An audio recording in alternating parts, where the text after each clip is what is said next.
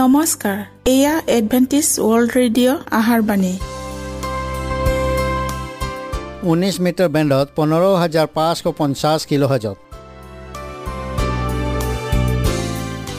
Adventist world radio যোগে অসমীয়া ভাষাত প্ৰচাৰিত আহাৰবাণী প্ৰত্যেক বুধবাৰ আৰু দেওবাৰ সন্ধিয়া সাত বজাত আহাৰবাণী শুনাৰ পিছত আপোনালোকৰ কিবা মন্তব্য আৰু প্ৰশ্ন থাকিলে আমালৈ এই ঠিকনাত লিখক। আমাৰ ঠিকনাটি হৈছে Adventist world radio' seven day Adventist মণ্ডলী অসম শাখা লতাকাটা বশিষ্ট গুৱাহাটী সাত আঠ এক শূন্য দুই ন।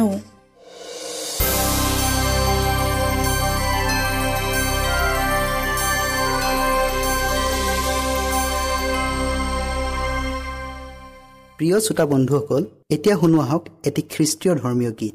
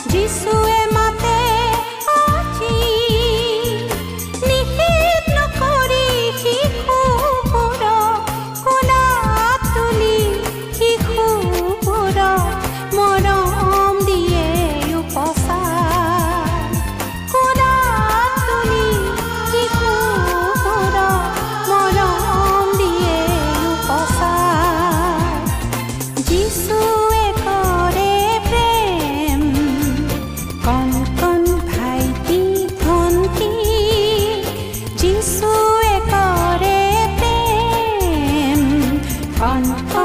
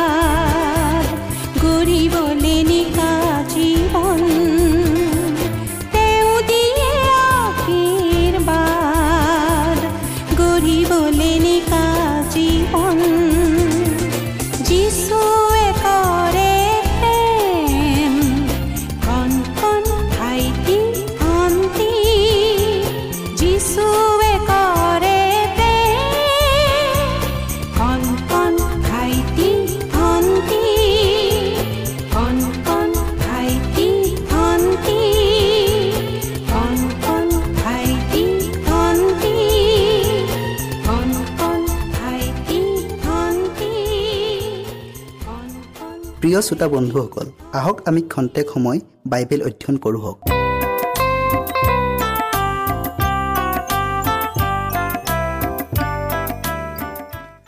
প্ৰিয় শ্ৰোতাসকল আজি আমি যোৱা অনুষ্ঠানৰ অনুগ্ৰহৰ পুৰস্কাৰ ইয়াৰ শেষ অংশটো অধ্যয়ন কৰোঁ হওক। শাস্ত্ৰ পদবোৰ হৈছে মঠি ঊনৈছ অধ্যায়ৰ ষোল্লৰ পৰা ত্ৰিছ পদলৈকে মঠি বিছ অধ্যায়ৰ একৰ পৰা ষোল্ল পদলৈকে মাৰ্ক দহ অধ্যায়ৰ সত্তৰৰ পৰা একত্ৰিছ পদলৈকে আৰু লোক ওঠৰৰ ওঠৰৰ পৰা ত্ৰিছ পদলৈকে। আমি প্ৰথমে প্ৰাৰ্থনা কৰোঁ হওক। স্বৰ্গত থকা অসীম দয়াময় পবিত্ৰ ঈশ্বৰ তোমাৰ নাম ধন্যবাদ হওক। প্ৰভু আমি আজি বিশেষ বিষয় অনুগ্ৰহৰ পুৰস্কাৰ এই বিষয়টিলৈ অধ্যয়ন কৰিবলৈ আগবঢ়াইছোঁ। তুমি আমাৰ সংগে সংগে থাকা আৰু প্ৰত্যেক শ্ৰোতাৰ হৃদয় পবিত্ৰ আত্মাৰে স্পৰ্শ কৰি দিয়া যীশুৰ নামত খুজিলোঁ। আমেন। দৃষ্টান্তত উল্লেখ থকা প্ৰথম পৰ্যায়ৰ বনোৱাবিলাকৰ সুবিধাবাদী আৰু আনৰ ওপৰত প্ৰাধান্য বিস্তাৰ কৰিব খোজা শ্ৰেণীৰ লোক আছিল। তেওঁলোকে আত্মসন্তুষ্টি মনোভাৱেৰে কাৰ্য কৰি ত্যাগ স্বীকাৰ নকৰে। তেওঁলোকৰ গোটেই জীৱন ঈশ্বৰৰ কাৰ্যৰ অৰ্থে আত্মনিয়োগ কৰিছোঁ বুলি দাবী কৰে। নানা দুখ কষ্ট সংকট আলৈ আহোঁ কালৰ মাজেৰে যোৱাত অগ্ৰগণী হ'ব পাৰে আৰু তাৰ বাবে তেওঁলোকে নিজকে মহাপুৰস্কাৰৰ অধিকাৰী হোৱাৰ বাসনা জাগে। তেওঁলোকে কৃষ্টৰ প্ৰকৃত দাস হোৱাৰ সলনি পুৰস্কাৰ পোৱাৰ অধিক চিন্তা কৰে। তেওঁলোকৰ বিশ্বাস বুদ্ধি মতে তেওঁলোকৰ পৰিশ্ৰম আৰু আত্মত্যাগে আনতকৈ অধিক মান প্ৰশংসা পোৱাৰ যোগ্য বুলি বিবেচনা কৰে আৰু তেওঁলোকৰ এই দাবী যদি পূৰণ নহয় তেতিয়া মনৰ ক্ষোভ প্ৰকাশ কৰে। তেওঁলোকৰ কৰ্ম প্ৰেম আৰু বিশ্বাসৰ ভিত্তিত কৰা হ'লে নিশ্চয় পুৰস্কৃত হ'লহেঁতেন। কিন্তু এজনে আনজনৰ বিৰুদ্ধে কোৱা অসন্তুষ্টিৰ ভাৱেৰে অকৃষ্টীয় ব্যৱহাৰ ইত্যাদিয়ে অবিশ্বাসযোগ্য কৰিছে। এইবোৰৰ উপৰিও তেওঁলোকৰ আত্ম অগ্ৰগামিতা ঈশ্বৰৰ প্ৰতি অবিশ্বাস কপট হিংসাই মানুহবিলাকক অনিষ্ট কৰিছে। ঈশ্বৰৰ অৰ্থে কৰা কল্যাণমূলক আৰু জনহিতকৰ কাৰ্য তেওঁলোকৰ কাৰণে অপৰিচিত। ঈশ্বৰ আৰু তেওঁলোকৰ মাজত কোনো সম্পৰ্ক নাই এনেকৈয়ে প্ৰকাশ কৰে। প্ৰভুৰ কাৰ্যত সহযোগ কৰাত কিয়ে মধুৰ আনন্দ পায় তাক তেওঁলোকে নাজানে। আত্মতৃপ্তি আৰু সংকীৰ্ণ মনোভাৱে ঈশ্বৰক অসন্তুষ্ট কৰে যিবিলাকে উক্ত নিষিদ্ধ গুণবোৰ প্ৰকাশ কৰে। ঈশ্বৰে তেনে লোকৰ সৈতে কাৰ্য কৰিব নোৱাৰে। তেওঁৰ আত্মাৰ কাৰ্যৰ প্ৰতি তেওঁলোক জ্ঞাত নহয়। প্ৰিয় শ্ৰোতাসকল প্ৰথমতে যিহুদীবিলাকক ঈশ্বৰৰ দ্ৰাক্ষাবাৰীলৈ আমন্ত্ৰণ কৰা হৈছিল। কিন্তু তেওঁলোকৰ গৰ্ব অহংকাৰ আৰু নিজকে নিষ্ঠাবান বুলি ভবাৰ ফলত আসোৱান প্ৰত্যাখ্যান কৰিলে। অতীতৰ পৰা সেৱা আৰাধনা কৰি অহাৰ কাৰণে ভাবিছিল আনতকৈ তেওঁলোকেহে অধিক পুৰস্কাৰ পোৱাৰ যোগ্য। যেতিয়া পৰজাতিবিলাককো তেওঁলোকৰ দৰে সম অধিকাৰ স্বীকৃতি প্ৰদান কৰিলে তেতিয়া তেওঁলোকে অতি বিৰক্তিবোধ কৰিছিল।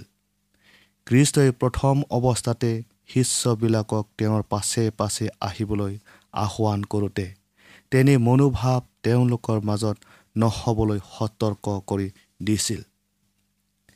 নিজকে অতি ধাৰ্মিক বুলি ভবা বিষয়টো সমাজত ভয়ানক ৰূপ ধাৰণ কৰি বিশ্বাসীবিলাকক পংগু কৰি দিব। তথাপিও মানুহে এনেবোৰ কথালৈ গুৰুত্ব নিদি ঈশ্বৰৰ কাষত স্থান পোৱাৰ আশা কৰে।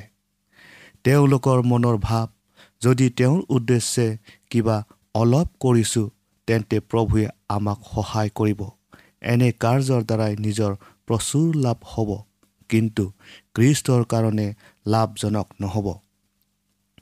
যিবিলাকে প্ৰভুৰ কাৰ্য কৰিছোঁ বুলি মিছা প্ৰশংসা পাত্ৰ হ'ব খোজে তেওঁলোক নোহোৱা যেন হ'ব। খ্ৰীষ্টই এনে অহংকাৰ পৰা তেওঁৰ শিষ্যবিলাকক ৰক্ষণাবেক্ষণ দিব বিচাৰিছিল। নিজকে নিজে পুৰস্কাৰৰ গৌৰৱ কৰাটো অপ্ৰাসংগিক। ঈশ্বৰে এই কথা কৈছে জ্ঞানীয়ে নিজ জ্ঞানত বীৰে নিজ পৰাক্ৰমত আৰু ধনীয়ে নিজ ধনত গৌৰৱ নকৰক। কিন্তু যিজনে গৌৰৱ কৰে তেওঁ ইয়াতহে গৌৰৱ কৰক। যে তেওঁ মোৰ বিষয়ে বুজে আৰু জানে যে মই পৃথিৱীত দয়া বিশ্বাস আৰু ধাৰ্মিকতা সিদ্ধ কৰোতা ঈশ্বৰ। কিয়নো এইবোৰত মই সন্তোষ পাওঁ ইয়াক ঈশ্বৰে কৈছে। জিৰিমীয়া নৌ অধ্যায়ৰ তেইছ আৰু চৌবিছ পদত। পুৰস্কাৰ কৰ্মৰ দ্বাৰাই নহয় নহ'লে মানুহে আত্মগৌৰৱ কৰিব। কিন্তু ইয়াক ঈশ্বৰৰ অনুগ্ৰহৰ দ্বাৰাই পোৱা হয়। তেনেহ'লে আমি আমাৰ জাতিৰ আদি পিতৃ অব্ৰাহমৰ বিষয়ে কি ক'ম? তেওঁ কি অভিজ্ঞতা পাইছিল? তেওঁ কৰা কৰ্মৰ দ্বাৰাই যদি ঈশ্বৰৰ ওচৰত তেওঁ ধাৰ্মিক বুলি গণিত হ'লহেঁতেন তেন্তে তেওঁ গৰ্ব কৰিব লগা কিবা কাৰণ থাকিলহেঁতেন। কিন্তু ঈশ্বৰৰ দৃষ্টিত নহয় শাস্ত্ৰত কৈছে অব্ৰাহামে ঈশ্বৰত বিশ্বাস কৰিলে আৰু তেওঁৰ বিশ্বাসৰ কাৰণে ঈশ্বৰে তেওঁক ধাৰ্মিক বুলি গ্ৰাহ্য কৰিলে। কৰ্মচাৰীৰ বেচ অনুগ্ৰহ বুলি কণিত নহয় তাক তেওঁৰ আৰ্জন বুলি ধৰা হয়। যিজন মানুহে তেওঁৰ কৰ্মৰ ওপৰত নহয় কিন্তু বিশ্বাসৰ ওপৰত নিৰ্ভৰ কৰে আৰু পাপীক ধাৰ্মিক গণ্য কৰোতা ঈশ্বৰৰ ওপৰত বিশ্বাস কৰে। তেওঁৰ তেনেকুৱা বিশ্বাসক ঈশ্বৰে ধাৰ্মিকতাৰ অৰ্থে গণ্য কৰে। সেয়ে নিজৰ কৰ্মৰ ওপৰত নিৰ্ভৰ কৰি গৌৰৱ কৰা বা আনৰ ওপৰত ইৰ্জা কৰা কোনো তাৰ প্ৰয়োজন নাই কাৰণ এইবোৰৰ দ্বাৰাই ন্যায়েৰে পুৰস্কাৰ প্ৰাপ্ত নহয়। প্ৰথম আৰু শেষ লোকবিলাকেই অনন্ত পুৰস্কাৰ অধিকাৰী হ'ব আৰু প্ৰথম আমন্ত্ৰিত লোকবিলাকে শেষৰ আমন্ত্ৰিত লোকবিলাকক আদৰণি জনাব। আনৰ পুৰস্কাৰ লোভ কৰাজন তেওঁ স্বয়ং কেৱল অনুগ্ৰহৰ দ্বাৰাই উদ্ধাৰ পাইছে তাক ইচ্ছাকৃতভাৱে পাহৰি যায়। বনোৱাবিলাকৰ দৃষ্টান্তই সকলো প্ৰকাৰৰ হিংসা ঘৃণা আৰু সন্দেহ মন পৰিহাৰ কৰিব শিকায়। প্ৰেমে সত্যত আনন্দ কৰে আৰু কোনো হিংসুক কাৰ্যক প্ৰশ্ৰয় নিদিয়ে। যিজনে প্ৰেমক ধাৰণ কৰিছে সেইজনে কেৱল কৃষ্টৰ সৌন্দৰ্যৰ সৈতে নিজৰ ত্ৰুটিপূৰ্ণ গুণসমূহ তুলনা কৰিব। প্ৰিয় শ্ৰোতাসকল আটাইবিলাক বনোৱা শ্ৰেণীৰ লোকবিলাক লৈ ই এটা সতৰ্কমূলক দৃষ্টান্ত। তেওঁলোকৰ কাৰ্যকাল যিমানেই দীৰ্ঘদিনীয়া হওক আৰু স্বাৰ্থ জড়িত নোহোৱাকৈ কাৰ্য কৰক। কিন্তু ভাইবিলাকৰ প্ৰতি প্ৰেম অবিহনে ঈশ্বৰৰ আগত নম্ৰ নহ'লে সকলো পৰিশ্ৰম ব্যৰ্থ। স্বাৰ্থপৰতাৰ দৰে গৰ্হিত কাম নাই। যিজনে আত্মগৌৰৱৰ মতলীয়া হয় অনুগ্ৰহক সেৱ জ্ঞান কৰে অথচ সেই অনুগ্ৰহহে কৃষ্টৰ কাৰ্য দক্ষতাৰে কৰিবলৈ শক্তি দিয়ে তেনে ব্যক্তিৰ হৃদয়ত শান্তি নাথাকে। যেতিয়াই অহংকাৰ আৰু আত্মপ্ৰশংসাত বিৰূপ হৈ থাকে তেতিয়া ঈশ্বৰৰ কাৰ্যত বাধাৰ সৃষ্টি হয়। আমি দীৰ্ঘকাল জুৰি পৰিচৰ্যা কাৰ্য কৰাটোৱে যথেষ্ট নহয় কিন্তু আমাৰ ইচ্ছুক আৰু বিশ্বস্ত মনোভাৱলৈ কৰা কাৰ্যহে তেওঁৰ দৃষ্টিৰ গ্ৰহণীয় হয়। তেওঁৰ কাৰ্যৰ অৰ্থে নিজৰ স্বাৰ্থ সম্পূৰ্ণৰূপে তেওঁৰ সোধাই দিয়াটোহে বিচাৰে। সৰু কাম এটাকো মনৰ সৰলতাৰে আৰু একানপতীয়াকৈ কৰিলে ঈশ্বৰে অতি সন্তোষ পায়। ঠিক ইয়াৰ বিপৰীতে স্বাৰ্থ লাভ মনোভাৱেৰে কোনো মহৎ কাম কৰিলে সম্পূৰ্ণ নহয়। আমি কিমান কৃষ্টৰ শক্তিৰে কাৰ্য কৰি কৃষ্টৰ দৰে আমি কিমান কাৰ্য সিদ্ধ কৰিছোঁ তেওঁ তাৰ পৰ্যবেক্ষণ কৰে। আমি বিচাৰতকৈ তেওঁৰ অধিক প্ৰেম আৰু বিশ্বস্ততাৰে কাৰ্যত অগ্ৰসৰ হোৱাটো কামনা কৰে। যি মুহূৰ্তত আমাৰ আপোন পেটীয়া স্বভাৱৰ অৱসান ঘটিব যেতিয়া অধিপত্য বিস্তাৰৰ অৰিয়া অৰি ভাৱ নোহোৱা হ'ব। যেতিয়া কৃতজ্ঞতাৰে হৃদয় পৰিপূৰ্ণ হ'ব আৰু জীৱনত প্ৰেমৰ সৌৰভ বিস্তাৰ হ'ব তেতিয়াহে কৃষ্ট আমাৰ হৃদয়ত বাস কৰিব আৰু আমাক তেওঁৰ সহকৰ্মীয় স্বীকৃতি প্ৰদান কৰিব। ঈশ্বৰৰ ৰাইজৰ বৃদ্ধিৰ অৰ্থে কৰা কামক প্ৰকৃত কৰ্মীজনে নিজ আৰু কঠিন কাম বুলি গণ্য নকৰিব। তেওঁলোকে মনৰ আনন্দৰে প্ৰভুৰ কাৰ্য কৰিব। ঈশ্বৰৰ আনন্দ কৃষ্টৰ যোগে প্ৰকাশ পায় আৰু সেই আনন্দ কৃষ্টত নিহিত আছে।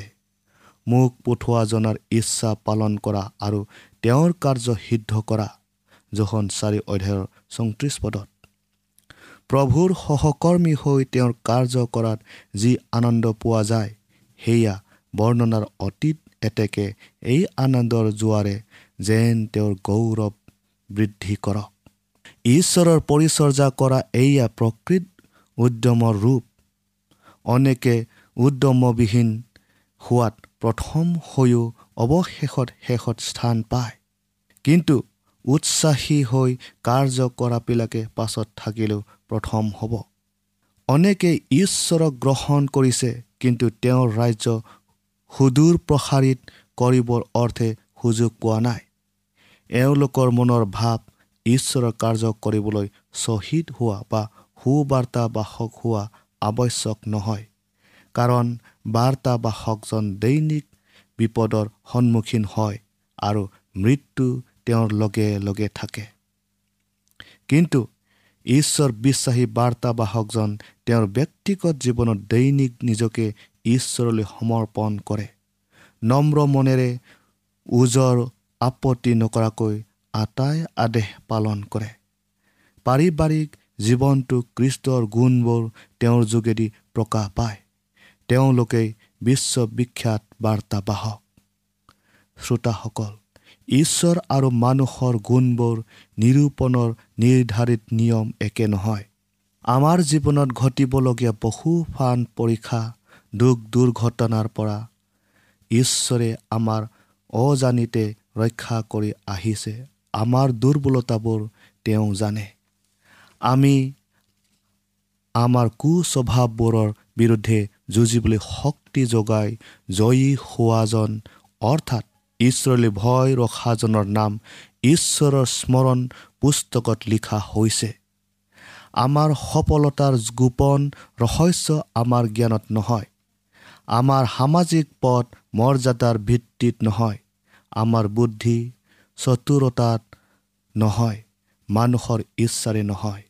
আমাৰ অক্ষমতা অনুভৱ কৰি কৃষ্টৰ ওপৰত ভাৰসা কৰোঁ হওক যিজনা মহাশক্তি মহাজ্ঞানৰ অধিকাৰী আমাৰ ইচ্ছা আৰু বাধ্যতাই বিজয়ীৰ পাছত অধিক বিজয়ী হ'বলৈ শক্তি দিব। প্ৰিয় শ্ৰোতাসকল আমাৰ পৰিচৰ্যাৰ কাল চমু হ'লেও বা সাধাৰণ হ'লেও মনৰ সৰলতাৰে বিশ্বাস কৰি কৃষ্টৰ খোজৰ অনুগামী হ'লে আমি আমাৰ পুৰস্কাৰৰ পৰা বঞ্চিত নহ'ম। অতি মহান আৰু জ্ঞানী ব্যক্তিজনেও যি আৰ্জিব নোৱাৰে অতি দুৰ্বলী আৰু অতি নম্ৰজনে তাক লাভ কৰিব পাৰে। স্বৰ্গৰ সোণালী দুৱাৰ আত্মগৰ্বী আৰু অহংকাৰীবিলাকৰ বাবে মুকলি নহয়। কিন্তু সেই দুৱাৰ শিশু এটিৰ স্পৰ্শত খোল খাব যিবিলাকে হৃদয়ৰ সৰলতাৰে বিশ্বাস আৰু প্ৰেমেৰে ঈশ্বৰৰ পৰিচৰ্যা কৰিলে তেওঁলোক ধন্য আৰু অনুগ্ৰহৰ পুৰস্কাৰ তেওঁলোকক দিয়া হ'ব। প্ৰিয় শ্ৰোতাসকল অনুগ্ৰহৰ পুৰস্কাৰৰ বিষয়ে আমি আজি ইয়াতে সামৰিলোঁ। পৰৱৰ্তী অনুষ্ঠানত আমি নতুন বিষয়টিলৈ আগবাঢ়িম হওক। তেতিয়ালৈকে ঈশ্বৰে আপোনালোকক আশীৰ্বাদ কৰক।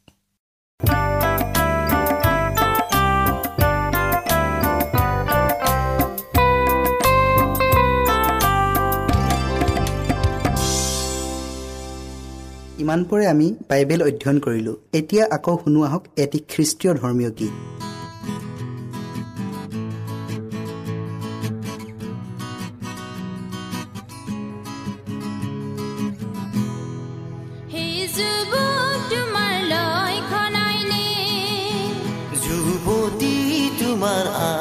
নাইনে সেই যুৱক তোমাৰ লক্ষণাইনে যুৱতী তোমাৰ আহা নাইনে জীৱনৰ পথ আজ্ঞাবোৰ হানে জীৱনৰ পথ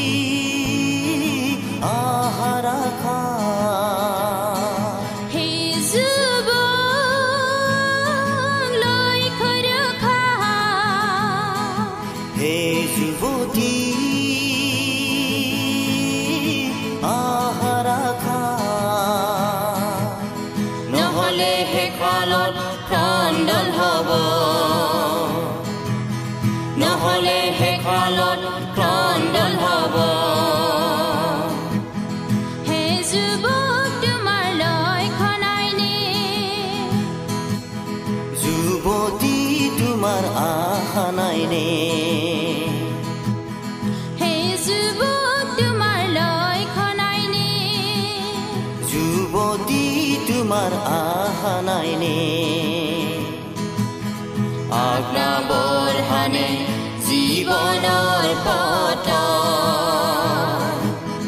আজ্ঞাবোৰ হানে জীৱনৰ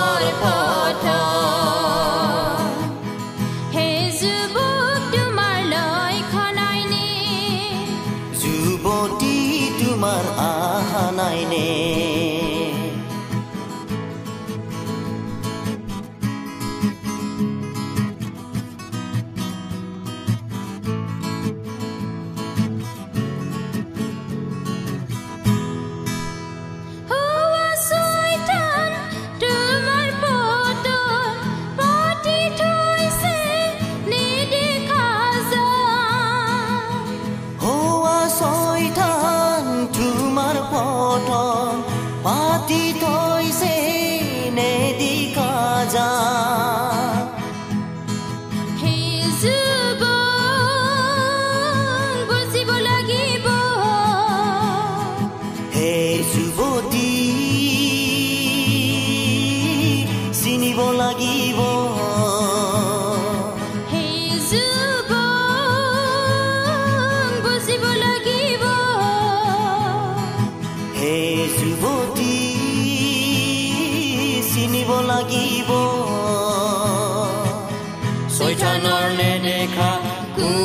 তোমাৰ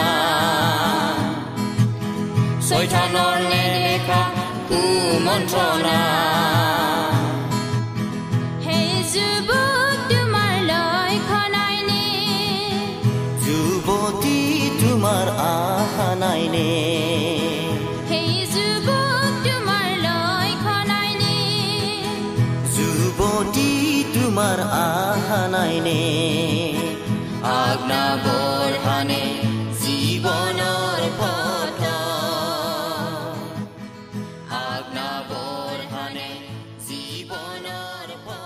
মনত ৰাখিব আমাৰ ঠিকনাটি পুনৰ কৈ দিছোঁ।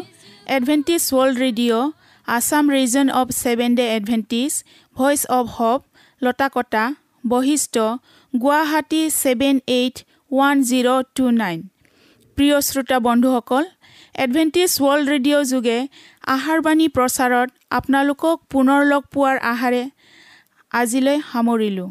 ধন্যবাদ।